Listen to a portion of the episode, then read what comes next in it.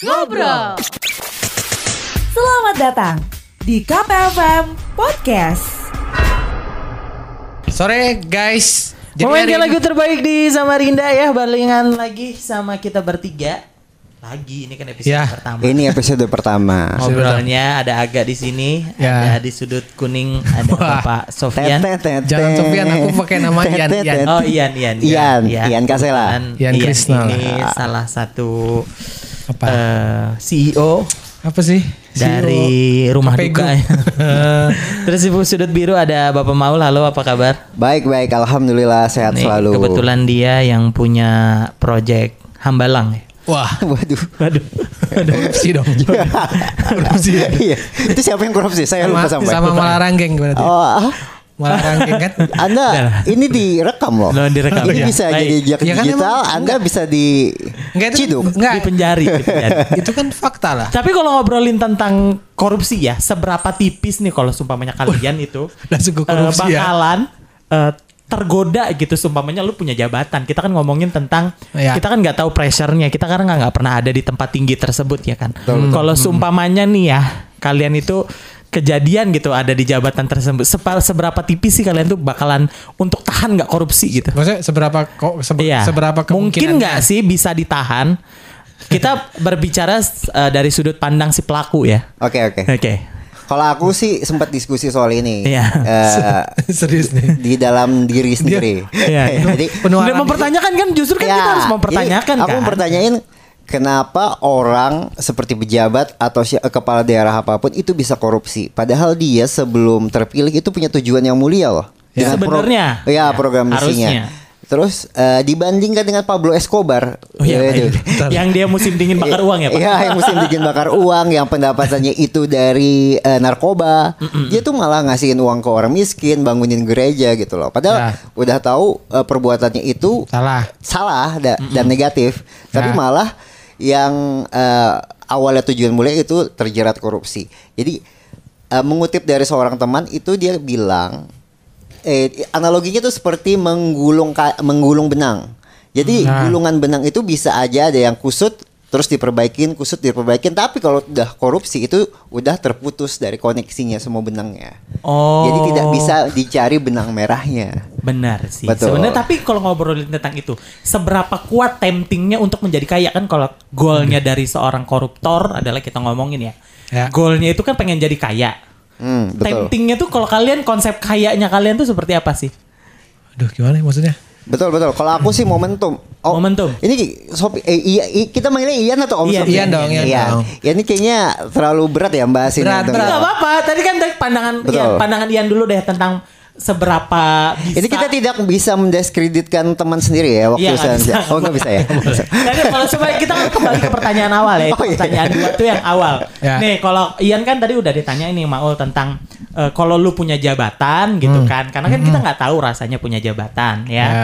Kalau kamu punya jabatan, seberapa tahan kamu untuk say no untuk uang lulu lalang di depan muka kamu? Susah ya, maksudnya ini manusiawi sih maksudnya. Betul betul. Apalagi kalau misalnya di kantor itu sampingnya panti pijat ya. Nah, panti pijet. Iya, iya, iya. Kalau kita namanya duit ya, duit. Uh-huh. Wanita biasanya kalau laki laki-laki kan itu godaan ngeri paling eh, susah sih.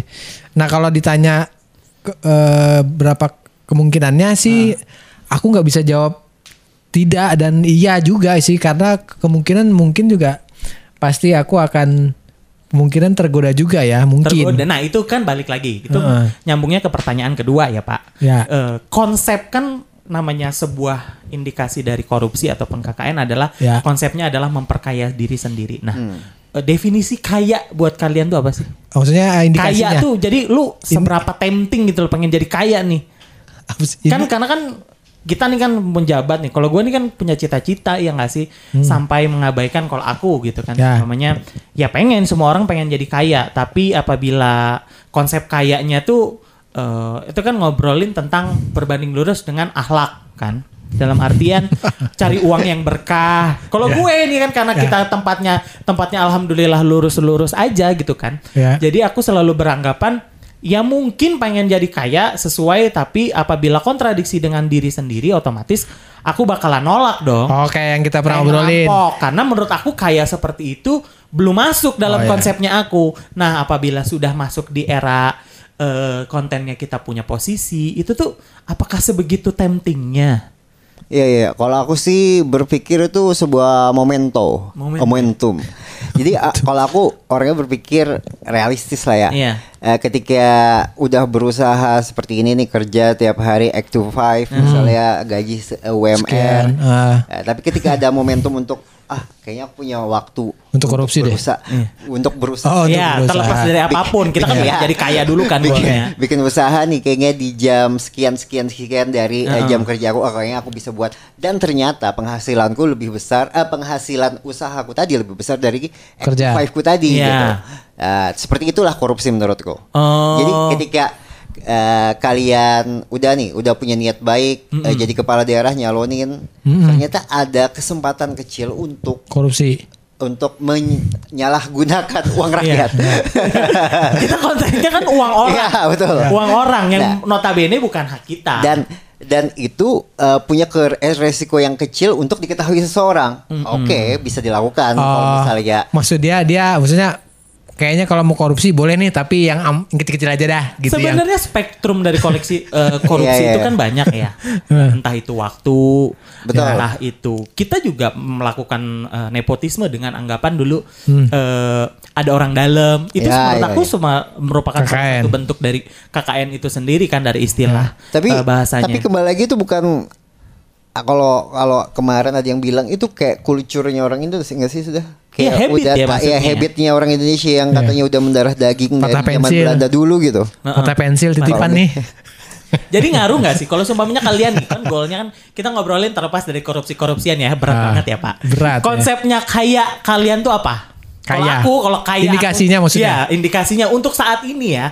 Aku juga nggak nggak ngaruhnya. Indikasi kaya nih. Eh, ngaruhnya tuh apa gitu? Karena kebutuhan eh, perubahan dari kebutuhan primer ataupun kebutuhan sekunder itu berubah menjadi kebutuhan primer tuh aku masih belum ngerasain.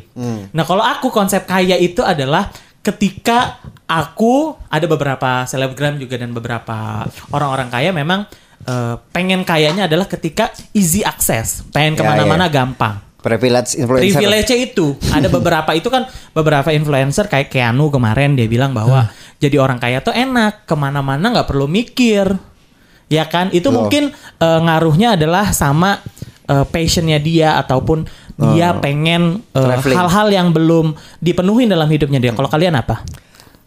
Kaya. Pengen kayanya tuh pengen apa sih ah kalau aku nih Iya, iya. ya Bisa kalau makan itu pasir. kan terlalu luas dan Iya. terlalu teknis ya Iya. kalau aku sih seperti ya awam aja maksudnya pingin kaya ya punya rumah Oh, iya. kayak gitu kayak gitu kan punya Iya, iya. rumah besar ya kan punya istri berapa idealnya rumah Punya- besar itu idealnya seperti apa satu aja sih satu tapi gede tapi kan capek bersihnya pak kan ada kan kaya kan Oh, iya. membantu dong Oh, iya, iya, iya. membantu Iya, ya kan iya. mobil ada Heeh.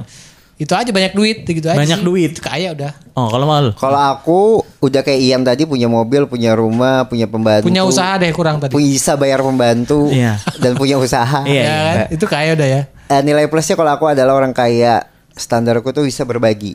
Oh, berat jadi, tadi ya. jadi kayak tetangga kosan motornya Bantuin. dimasukin pasir sama anak kecil itu Ah, bisa bisa dibeliin motor iya belikan temennya. motor baru lagi kayak gitu kayak gitu ya bayi Iya, bong iya, lah ya iya. Ya, kayak Bayemong, betul betul. Yang iya. Bayemong itu kan kalau punya ranjang kalau nggak salah saya lihat di setiap eh, YouTube-nya itu nggak ada tempat tidurnya, nggak ada apa? Nggak pakai ranjang Bukan bukan Maksudnya? ranjang kalau tilam sama ranjang apa sebenarnya? ranjang itu dipan yang- dipan Oh kasur, Kasurnya. kasur ya. Iya, kasur. Jadi kasurnya tuh nggak punya ranjang. Heeh. Serius dia cuma ditaruh di lantai. Nah, aku mau kayak gitu tapi bisa berbagi gitu. Setiap hari Oh. bikin giveaway, gigi Heeh. palsu, Nggak. gigi mas. Enggak kalau misalnya kalau ini ngomongin kasur ya, aku Iya. jadi fokus di kasur. Iya. Enggak, itu kan kenyamanan dia. Kalau aku sih nyaman lebih nyaman nggak pakai kasur sih. Tapi kan eh, maksudnya nggak pakai ranjang. Iya. Eh, tapi tapi kan- masalahnya kau pernah nyoba nggak kasur harga 20 juta pak? Iya. Oh, kalau Iya. pakai kasur pernah cuman harganya nggak sampai segitu sih. Iya, Biasa kasur paling, paling mahal ya. kasur hotel ya. Ya betul. yang keras, yang gak empuk-empuk banget tapi keras. Iya iya. Ta- Butuh yang fresh di pagi hari. Yang nantinya bakalan nemenin kamu mungkin seru-seruan sambil berangkat kantor kan. Oke. Pagi kamu ditemanin sama sesuatu yang update di segmen Ada Apa Hari Ini. Eh, masih tentang pemindahan IKN nih, ibu Benar. kota negara. Pansus Benar. Oke, kalau di Samarinda Post ini ada headline-nya mahasiswa kemarin ya. Ini berakhir itu. Juga berita-berita seputar Kaltim yang oke. DPRD Samarinda menggelar hearing dengan puluhan orang Pendengar KP, Komisi Pemilihan Umum atau KPU Kota Samarinda mengusulkan Puluhan orang yang 6,9 mengatasnamakan dirinya Forum Pemerhati Pendengar KP, saat. Reskoba Polresta Samarinda mengamankan seorang pria berinisial AG setelah kedapatan mengedarkan Plus lagu-lagu pilihan yang pas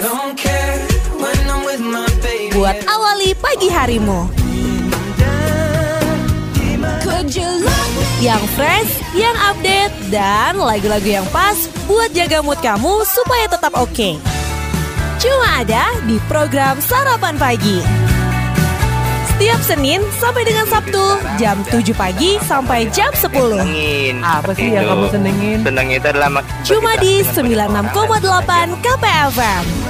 Ingat ya, program Sarapan Pagi setiap Senin sampai dengan Sabtu jam 7 pagi sampai jam 10.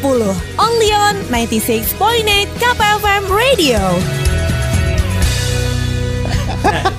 Nah itu kan kita ngobrolinnya adalah eh, Iya, itu terungkap kan kemiskinan gue ini.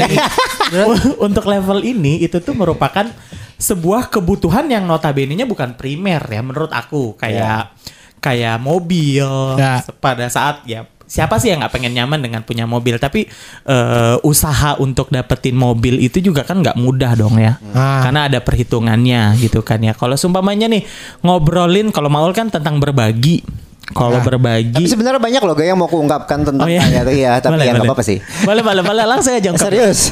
Iya. Jadi aku mau cerita kalau eh mau cerita. Aku mau kasih tahu eh mengungkapkan kalau misalnya kaya itu udah mandi nggak pakai bisa lepas tangan mandinya. Oh, pakai shower. Ya. Showernya kanan Shower. kiri, bawah, depan Ya. atas. Bapak nggak pernah ngerasain kan, Pak? Apa shower? Ada showernya tuh nggak cuma satu titik, Pak. Oh, ada kanan kiri juga. Kanan kiri ada. Oh, Jadi belum itu tahu nih, baru rumahnya tahu dengar. selebgram siapa ya?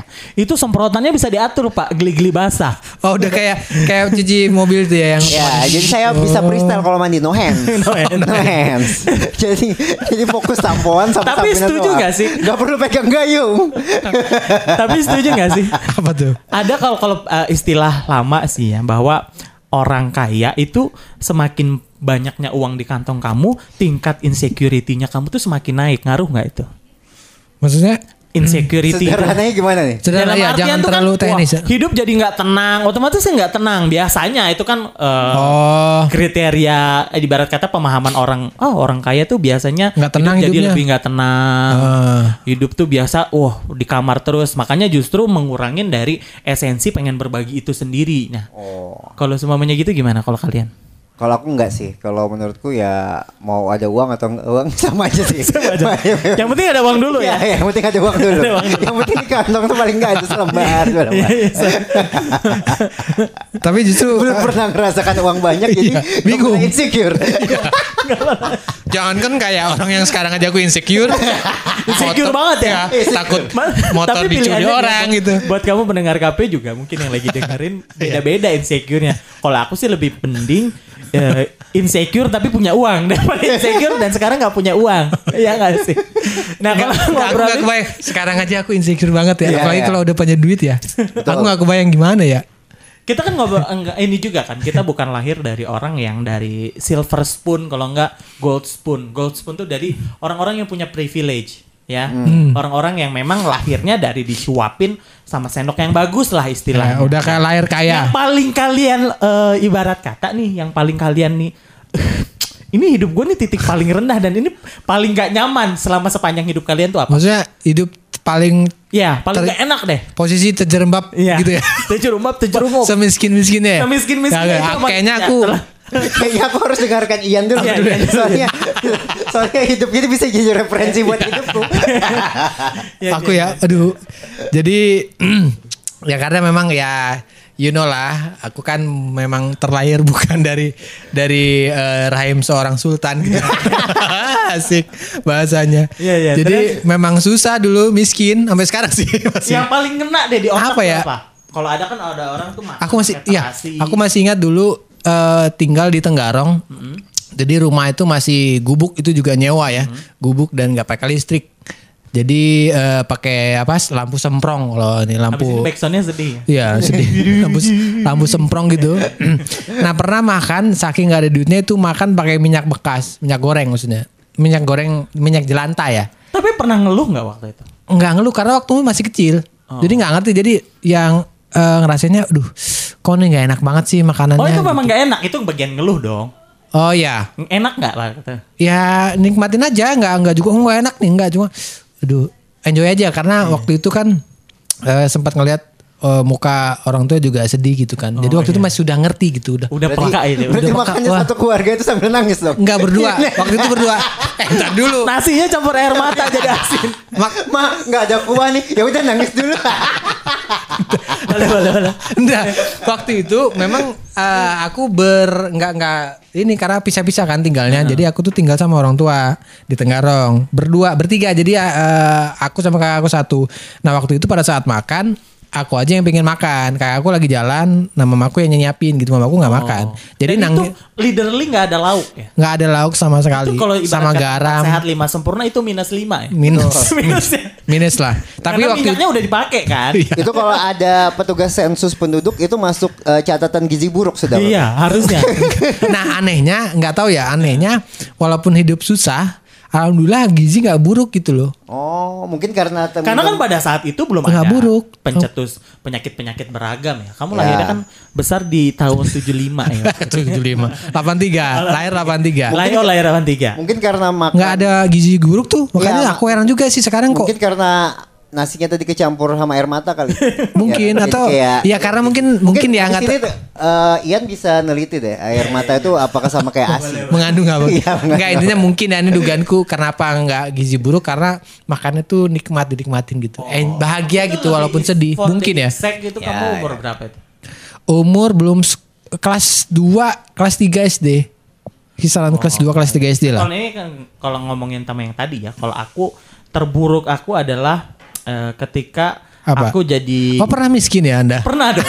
Eh, kategori miskin kan banyak. Oh, iya. Karena ada yang mungkin di eh, cobaan aku seperti ini gitu beberapa Coba, orang mungkin coba. nggak kuat Ah, coba, bisa coba. langsung bunuh diri coy bercanda Coba. nah kalau aku waktu itu ini Apa jadi tuh? setelah eh, hijrah kan di Jawa papa itu meninggal Oke. ini sedih ya saya sedih, Sedih. jadi Eh. meninggal nih kan meninggal terus pindahlah kita hijrah ke sini karena menurut aku konsepnya dari keluargaku orang di Jawa itu Hmm. eh 500 perak aja berharga. Jadi semiskin-miskinnya sana ya beneran nggak makan. Beda sama di Kalimantan. Mungkin culture-nya eh, zaman dulu ya itu Hmm. pemahaman dari keluarga aku, perspektifnya keluarga aku. Jadi pindahlah ke sana. Jadi mamah itu tuh jual sate di desa eh di SD.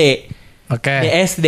Habis itu dua tahun selang dua tahun meninggal lagi nyokapnya, Bo. Oke. Nah, nah itu di situ tuh jadi gua tuh paling Ntar, sedih di situ. Jadi pernah Hmm. aku nyicil motor, ya usaha alhamdulillah ada motor ya. Ah. Waktu itu aku masih SMP, SMA, SMA habis itu eh, nyicil motor itu jadi tukang laundry saya, Pak. Oh. Hebat nggak?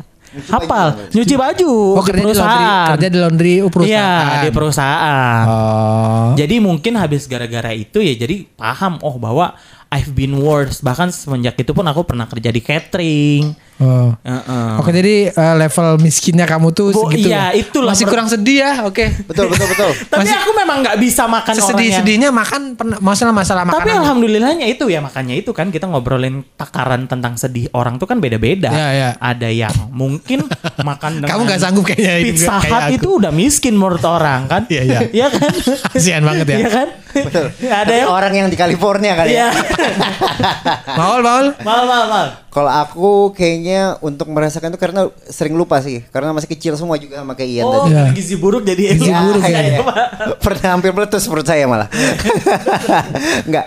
Jadi ingatnya itu ketika di titik rendah merasa kemiskinan ketika waktu masih tinggal di pinggiran sungai Karangmumus. Oke. Dulu orang tua masih nyewa. Ah. Ah, orang tua masih nyewa itu kebakaran besar tahun sekitar 92-an. Kena rumahnya juga. Nah, rumahnya kena, nyewa lagi, baru di saya diseberangin pakai baskom sama bapak. Wow. Untuk Oh jadi larut ya Pak. Iya makanya jadi Nabi Jadi Musa dong. satwa loh. Ditangkap Firaun dong ya. Firaun. Tongkatnya bisa berubah jadi ular. kan? gitu jadi pakai baju yang udah di situ aja tuh sekitar umur ini diceritain juga sama mama saya soalnya saya juga lupa sekitar empat bulan umur eh um- umur satu tahun empat bulanan gitu. Nah itu mungkin karena baru disuruh tinggal sama nenek sama kai. Kangen sama lagu ini? Atau punya something dengan lagu ini? Jika cinta dia. Kalau pengennya dengerin lagu-lagu kayak gini, dengerin aja di program Samarinda Bagus yang banyak menyuguhkan lagu-lagu era tahun 2000-an serta informasi menarik sambil temani pendengar KP yang lagi activity. Ada info dan tips ringan seputar kesehatan, serta dunia kerja yang dikemas ringan dan gak ketinggalan segmen Today's Inspiration. Terus ngomongin sosial isu yang sedang happening dan pendengar KP juga bisa ikutan gabung via SMS dan sosmed di segmen Ngopi, Ngasih Opini. Nah, selain itu juga memutarkan lagu kenangan di segmen Memos, Memory of Song.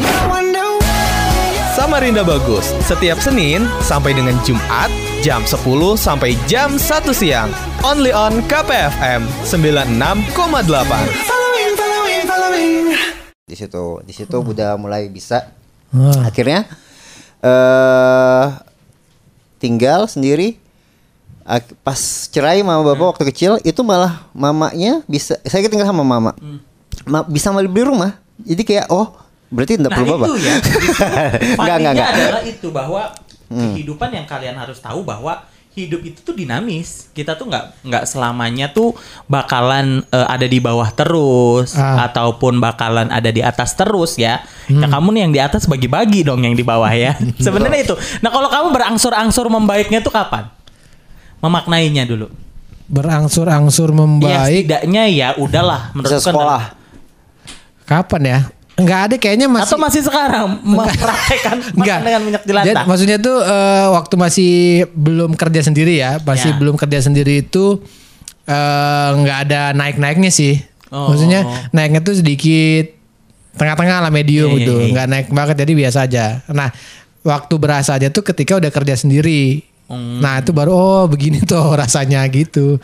Dulu kan pernah ditambang kan. Iya iya alhamdulillah. Nah, alhamdulillah lah pernah ngerasain. Alhamdulillah kita juga Pernah ngerasain eh, duit berlebih sih waktu betul itu. apalagi sekarang eh, di era pandemi ini ekspor batu bara Kaltim Tinggi nih. tinggi nih Iya, lagi bagus-bagusnya ya kan. Rasa ke kita nih Iya. Iya, tolong aja ini. ngantri ya kalau lewat jembatan. By the way ya. ngomongin pandemi dan kemiskinan Iya, ya. Aku habis nonton eh, salah satu di channel YouTube favoritku tentang berita-berita gitu eh, Apa alam itu rah bukan? Lain salah dong. analisisnya ekonomi eh, ekonomi ekonomi itu semakin membaik katanya dengan adanya ekspor batu bara ini. Tapi Hmm. tingkat kapital eh, orang yang eh, berdasarkan research eh, penelitian kapitalisasi itu orang kaya makin kaya orang miskin orang semakin Gapnya miskin. makin kerasa. Iya, kalian ngerasa nge- gitu nggak sih? Ngerasa sih Atau iya dong karena gitu? dari hampir lima tahun gaji saya segini aja berarti, Tapi- bukan, berarti bukan bukan karena pandemi dong. bukan pandemi bukan pandemi tapi lebih tepatnya itu eh, Nasib. seharusnya apabila memang mempengaruhin sampai ke beberapa lapisan itu tuh eh, gapnya itu harusnya tidak ada gitu kan ya kan dalam artian eh, perubahannya eh, kita masih tetap bisa stabil gitu loh ada yang mungkin nggak ada yang namanya cerita yang kena PHK menjadi stabilnya tuh menurut aku eh, perkembangan ekonomi itu harusnya dilihat dari kestabilan itu sendiri terutama kena dampak dari pandemi ya nggak Hmm. Hmm. Itu bara ya. Batu bara ya. Eh tapi kalau ngomongin tentang standar nih ya, taraf hidup. Menurut kamu pada saat tahun 98 ataupun 90-an ke bawah, eh, 2000 ke bawah lah. Itu taraf hidup kemiskinannya beda apakah sama sih sama sekarang? Nah ini aku pernah ditanya juga sama tanteku, cuman aku udah bisa jelasin karena di zaman era Orde Baru itu aku masih kecil. Iya. Jadi nggak pernah Dan itu tuh sangat melekat itu. banget di aku ya bahwa eh, harga apa-apa itu murah. Hmm ya ya Nah, udah harga otomatis apa-apa itu eh, murah. Kalau diingatan sih masih bisa diingat. Stabil, ya. Sekarang tuh tampak lebih chaos. Hal-hal ya ini ngaruh juga nggak sih sama hal-hal yang kita kita tuh semakin bisa ngebaca sesuatunya tuh lebih cepat informasinya. Mungkin dulu media-media utama, media-media primer ataupun media-media major justru itu menjadi sumber satu-satunya. Ya, Karena benar. sekarang itu ngaruh banget segala sesuatunya bahkan eh, untuk informasi tentang perkembangan ekonomi aja sekarang gampang banget diakses. Ya. Ya. Iya nggak sih? Eh, untuk ngomonginnya sekarang tinggal klik aja ngo- udah keluar. Iya nggak? Tapi masih ada nggak sekarang tuh orang yang sesusah-susahnya kalau aku sih nyebutnya di aku dulu eh, memang susah tapi tuh itu tuh untuk taraf hidupnya tuh tapi stabil tapi cenderung naik. Yang kayak makan minyak jelantah itu di di di kampungku dulu waktu di daerah Purwakarta itu sering banget ada. Justru Kira-kira- adekku lebih suka makan di situ, makan pakai kerupuk. Kira-kira masih ada nggak sih yang kayak gitu? Iya. Ah, kayaknya ada sih, tapi di Tapi justru itu kan. Taraf hidupnya tuh mereka kalau orang dulu makan pakai itu tapi hidupnya stabil. Dalam artian stabil tuh pendapatannya memang segitu. eh, memutuskan makannya untuk cara bertahannya memang segitu. Mungkin yang sekarang ini menurut aku ya bahwa orang yang makan dengan eh, minyak jelantah ataupun garam aja sekarang tuh lebih kepada bukan bertahan tapi memang karena nggak punya pilihan. Iya nggak? Karena memang nggak punya kepilihan itu. Kalau kalau untuk lihat di sananya ya, Hmm. kalau dari zaman dulu ya itu kaitannya sama yang tadi perubahan zaman itu sendiri. Hmm. Iya. Susah. Aduh, ngomonginnya panjang ya. tapi, tapi bakal disorot nggak sih orang-orang yang masih makan jelantah atau makan nasi pakai kuah teh kayak gitu kayak gitu? Se- eh, surprisingly ini sekarang eh, udah. Harusnya dengan pre- eh, dengan bertebarnya media Sosial. media komunikasi itu udah gampang dong orang yang ditemukan diakses itu. ataupun Iya. tapi anehnya sekarang itu justru tidak ada lagi sorotan. Kayak dulu kita tahun sekitar 5 2015 ke bawah kita sempat tren makan nasi aking inget Ya ya ya. nah itu sekarang udah nggak ada lagi. Nasi aking, nasi aking tuh nggak sih? Nasi yang beras, Yang raja nasi aking, Nasi- yang gimana King. sih? nasi king. nasi aking itu nasi yang udah kering dia olah lagi Oh, kalau eh, ini bukan ya, yang maksudnya yang dijemur terus digoreng, rengginang Rengginang. bukan ya? itu rengginang itu Oh, memang nggak tahu aku. purposely untuk dimakan jadi Oh, nggak cemilan tahu kalau Nah, kalau aking. waktu itu itu kan memang kerasanya eh, nasi aking tuh karena memang nasi sisa dijemur jemur, ya di- diolah lagi dimasak lagi. dimasak lagi dan sekarang tuh hampir nggak ada kayaknya bagian itu udah level bawah banget ya tuh ya, terjerembab banget. nah itu sempat anehnya tuh dulu sempat viral bahwa ada yang eh, nasi aking. nasi aking itu sempat rame di media-media major gitu loh bahwa yang justru malah kayak penyakit itu pun dulu Gondok. media-media major kayak kita tuh memberitakan hal-hal tersebut gitu loh. Sekarang tuh justru terlalu banyak yang dibahas kali ya jadi yang fokus-fokus Ya. tentang kemanusiaan tuh jadi semakin kurang. Betul. Iya enggak sih? Ada mungkin Karena sumber informasi udah terlampau banyak. Kalau Iya. dulu kan cuma satu, misal TVRI. Mm-mm. TVRI. Dua ada RCTI. Iya, iya, iya, iya. Udah pilihannya cuma itu aja tuh. Sekarang kan udah yang lain-lain tinggal swipe swipe swipe udah. bener-bener bahkan Dicolok dong berarti ya. Swipe. Iya, iya betul juga. melebeli dirinya sebagai sumber informasi pun terkadang dipertanyakan ya nggak sih tentang kredibilitasnya. Aduh, berat ya. Iya, Bisa bener, ganti berat, topeng berat. nggak nih? Oke, ini kita sampai jam berapa sih? Iya, Iya, ini iya. durasi sampai sampai kapan? Udah berapa menit kita Ini ngobrol? 25 menit loh. Oh, udah 25 Oke, menit. kalau gitu aku mau bahas ini nih. Apa tuh? Ini berkaitan dengan kita yang baru episode 1 kan. Iya, Jadi kebetulan beberapa menit yang lalu aku lihat status WA-nya salah satu teman media juga di Samarinda. Iya. Jadi dia bilang, "Kenapa anak-anak ibu kota itu bisa kelihatan keren-keren gitu ya?" Padahal yang dikerjakan ya sama-sama nulis, sama-sama research, isu yang diomongin padahal sering enggak relate dengan relevansi di daerah. Tapi bisa-bisa aja mereka obrolannya diterima seolah-olah itu masalah bersama. Giliran ngomongin lokalitas, Samarinda, Mahakam, situs-situs pop culture, itu seperti punya dinding tebal betul. Nggak menarik kah atau kurang Indonesia? Nah, ini ini kayaknya relate dengan apa yang kita Isu-isuan, lakukan sekarang ya. gitu. Ini kan kita dari lokal nih Samarinda, sosokan bikin podcast. Ya. Ya kan karena emang kita radio. Ya. Nah, Iya, tapi iya. kan siapa tahu kita diterima di pasar ngomongin kedaerahan kita gitu. Iya, benar. Kalau ini tuh menurut aku sih gapnya eh, ngomongin tentang masalah habit dan juga balik lagi ke culture ya. Hmm. Jangan ngomong kan ngobrolin tentang kita yang di sini di Samarinda sama ngobrolin tentang yang anak-anak di Jaksel. Jelas itu jauh banget. Kita di Samarinda aja eh, cara bergaulnya juga beda banget sama anak-anak yang memang di Balikpapan. Hmm. Sapo. Nah. Nah, itu tuh udah Yes. beda banget sebenarnya. Kalau untuk ngobrolin tentang relate itu tuh sekarang itu tuh makin kerasa lapisan-lapisannya ya. Iya, ya, iya. Karena ya erat keterkaitannya sama yang kita tadi. Lu ngerasain Halo, berikut adalah cara menangkal COVID-19 atau yang biasa disebut virus corona. Pertama, hindari kontak langsung dengan siapa pun yang menunjukkan gejala seperti demam dan sesak napas. Tutup hidung dan mulut ketika bersin dan batuk. Dan yang paling penting, jaga kebersihan tangan dengan sesering mungkin mencucinya menggunakan sabun atau cairan antiseptik. Hindari menyentuh wajah dengan tangan. Dan terakhir, jangan panik.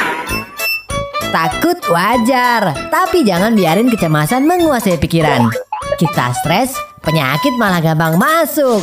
Fokuskan aja sama hal-hal yang bermanfaat. Ayo bantu sosialisasikan kebenaran tanpa harus menakut-nakuti. Stop panik, lawan corona.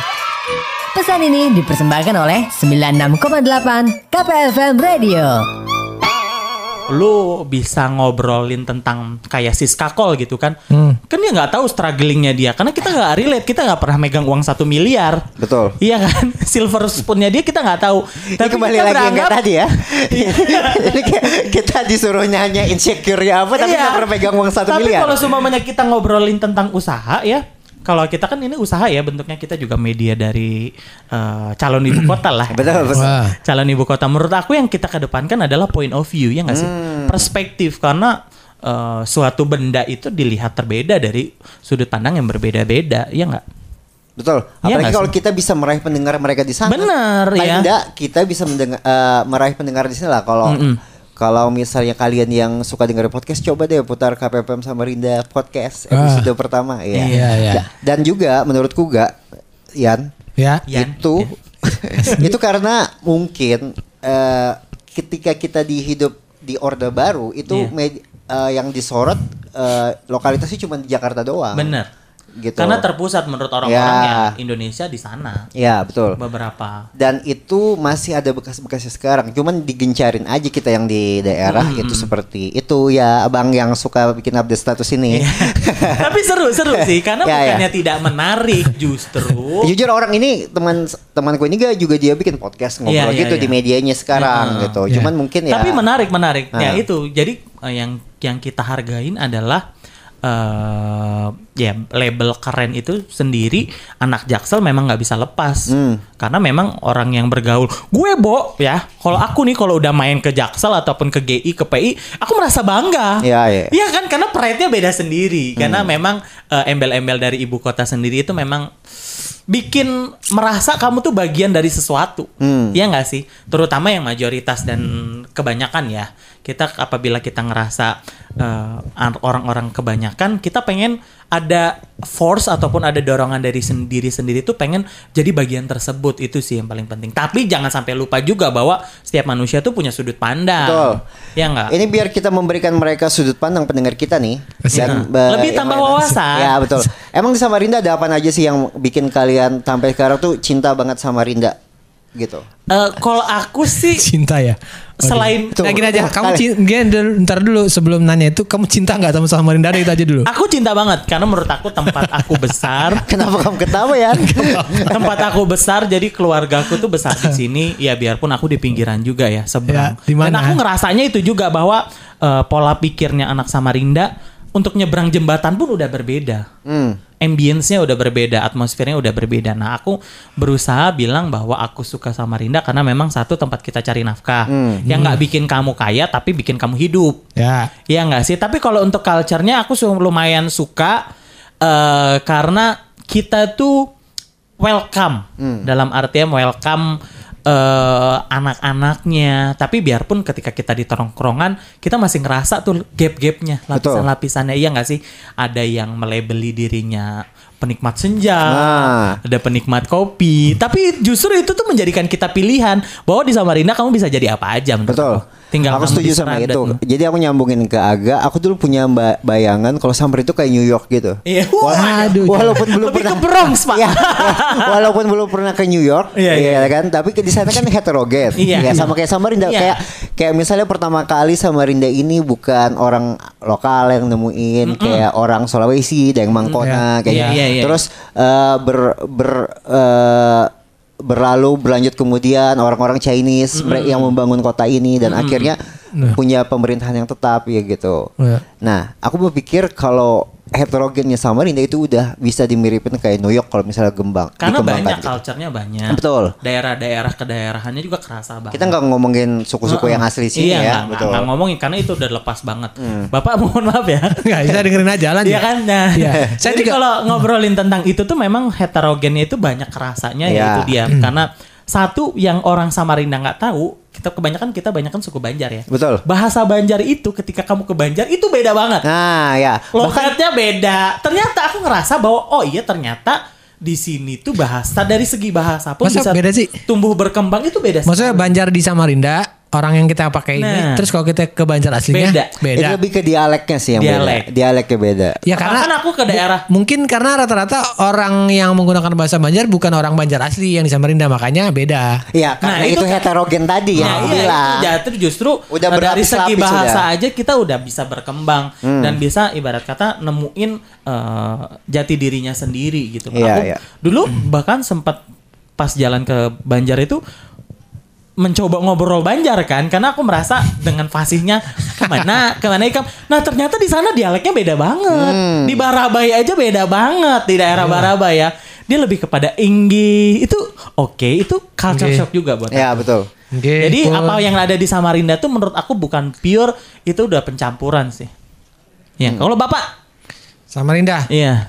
Kenapa cinta sama Rinda? Ini ini Tanya dulu cinta pertanyaan- nggak dulu? Nah, pertanyaan Cinta. itu otomatis sudah kayak menghakim apa harus cinta sama Rinda. Harus harus. harus. Aku cinta sih ya cinta dong. Iya, iya. Karena lahir di sini juga Iya. sama lahir di sini. Kamu lahir di mana? Lahir di sini. Bahkan aku orang Barabai tadi tapi nggak tahu Barabai. Orang berapa? Iya jurus. Jadi mama yang yang uh, Kai sama nenekku itu datang ke sini tahun 59 bawa mamaku yang masih kecil umur satu tahun. Oke. Dan ka- semenjak itu kami berkembang biak lah di Samarinda. Iya. berkembang biak. Nah kalau aku kan lahirnya memang di Samarinda, ya eh, memang harus cin harus dan mau tidak mau harus cinta Samarinda, kerja juga di sini. Em, cuman nah aslinya tuh, nah untuk kalau Sisilra, sebenarnya aku tuh orang Bugis sih. Serius, ini baru tau loh. Ya, Semenjak kita ber, tidak bersahabat beberapa tahun. Baru kenal kita by the way. Bugis, Bugis. Ya. Eh, nah, karena lama di Samarinda dan teman-teman Banjar udah banyak banyak Kutai, eh, Mama juga Kutai, lebih dominannya ke Kutai jadinya. Jadi cinta nih sama Rinda. Cinta Samarinda dong. Apa yang paling dicintain? Eh, Bangga banget miss lah. Hmm. Terutama kamu kan tumbuh dan berkembang ya, jadi dewasa. jujur kalau uh, bangga nih belum sih, belum Oh, ada yang membuat aku bangga gitu. Makanya saya masih em, ya kalau bisa sih aku akan membuat eh, orang-orang bangga dengan Samarinda dengan hasil karya apa kayak gitu kita nggak tahu kan. ya terdekat Seperti- apa?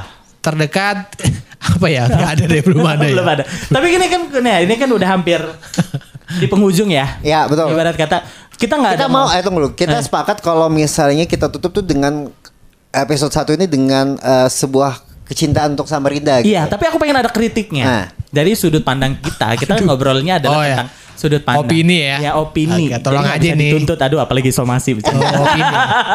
nah, kalau kamu nih Yan, kalau seumpamanya ngobrolin tentang kecintaan, otomatis ada yang namanya namanya hubungan kan ada pahit manisnya. Kalau Hmm. pahitnya supaya pengen diperbaiki, kritiknya apa sih?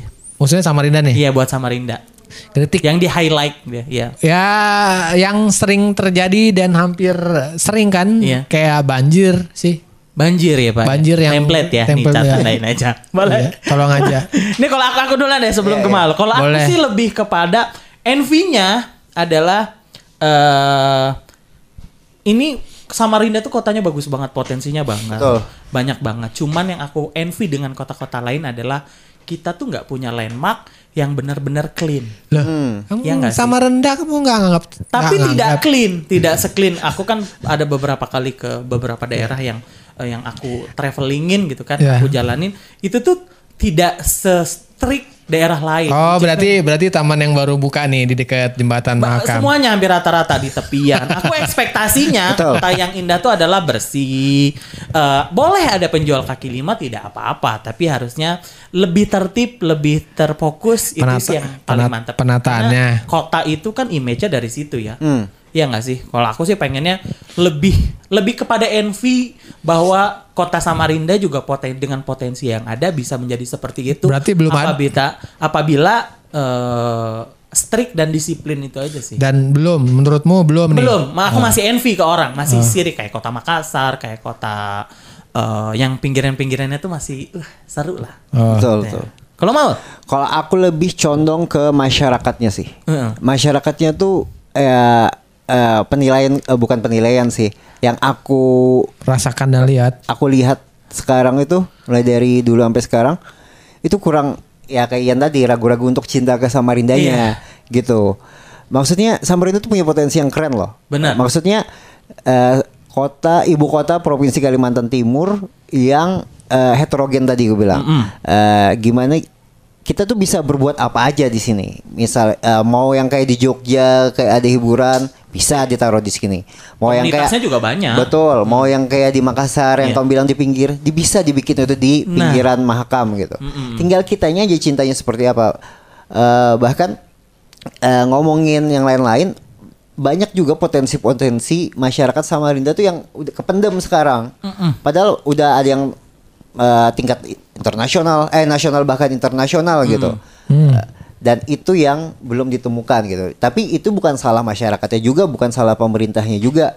Tapi Sama-sama harus Iya. tanggung jawab sama-sama. Itu kita kayak udah Ada bergerak sinergi, jalan iya ke nggak sih? sana aja gitu Heeh. sendiri gitu. Pemer- Tujuannya sama, intinya Hmm. harusnya tujuannya sama, frekuensinya harus sama, Iya. pemahamannya harus sama. Ini kaitannya sama uh, program-program pemerintah yang kita harapin juga bersinergi uh, uh, frekuensinya tuh sama ke kita gitu loh, jadi nyambung. Anjay. Salah satunya Anjas. adalah dengan membuat podcast ini. Anjay. Ya, ya, ya. Anjay. By the way, ya, hari ini Ya, ngobrolin tentang sudut pandang ya, jangan usah diambil ke hati ya karena ini cuma sudut pandang Betul, ya. apalagi betul, betul. sampai ngirim somasi ya nggak boleh Enggak, ya.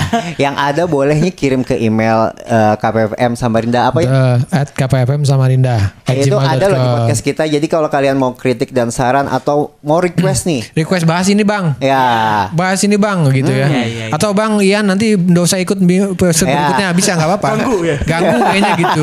Nggak apa-apa sih. Oke, kita bakal jumpa lagi next episode. Ya. Bye. Bye bye.